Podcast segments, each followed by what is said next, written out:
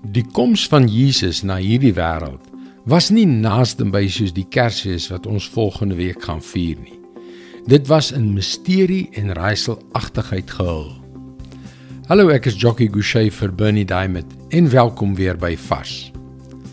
God het sy uitverkore volk Israel vir meer as 1000 jaar van tevore reeds vertel van hierdie verlosser wat hy eendag vir hulle sou stuur. Talle profete het sy koms voorspel. En toe hulle verlosser kom, het hulle dit heeltemal gemis omdat hulle 'n sterk krygsman koning wat hulle van die Romeinse besetting sou verlos, verwag het. Hier is net een van daardie voorspellings deur die profeet Samuel aan koning Dawid, reeds 1000 jaar voor Jesus se geboorte. 2 Samuel 7 vers 12 tot 16. Wanneer jy te sterwe kom en jy by jou voorvaders rus, sal ek een van jou nageslag, jou eie seun, koning maak en aan hom 'n bestendige koningskap gee. Hy sal vir my naam 'n huis bou en ek sal sy koningskap vir altyd laat voortbestaan. Ek sal vir hom 'n vader wees en hy sal vir my 'n seun wees. As hy ontrou is, sal ek mense gebruik om hom te straf, hom te kastei.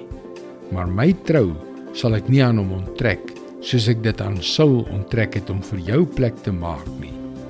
Jou koningshuis en jou koningskap sal vir altyd vas staan. Jou troon sal altyd voortbestaan. sien jy in hierdie versies verwysings na sonde, geweld en straf?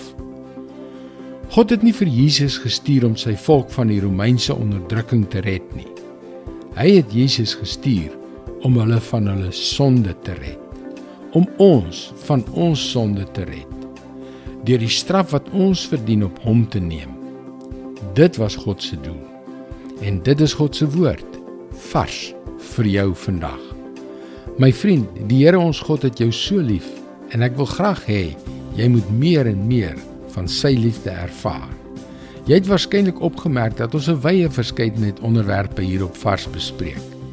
Jy kan gerus laat weet as daar enige onderwerpe is wat jy graag wil hê ek moet bespreek. Laat weet my asseblief by teachingtopics.org.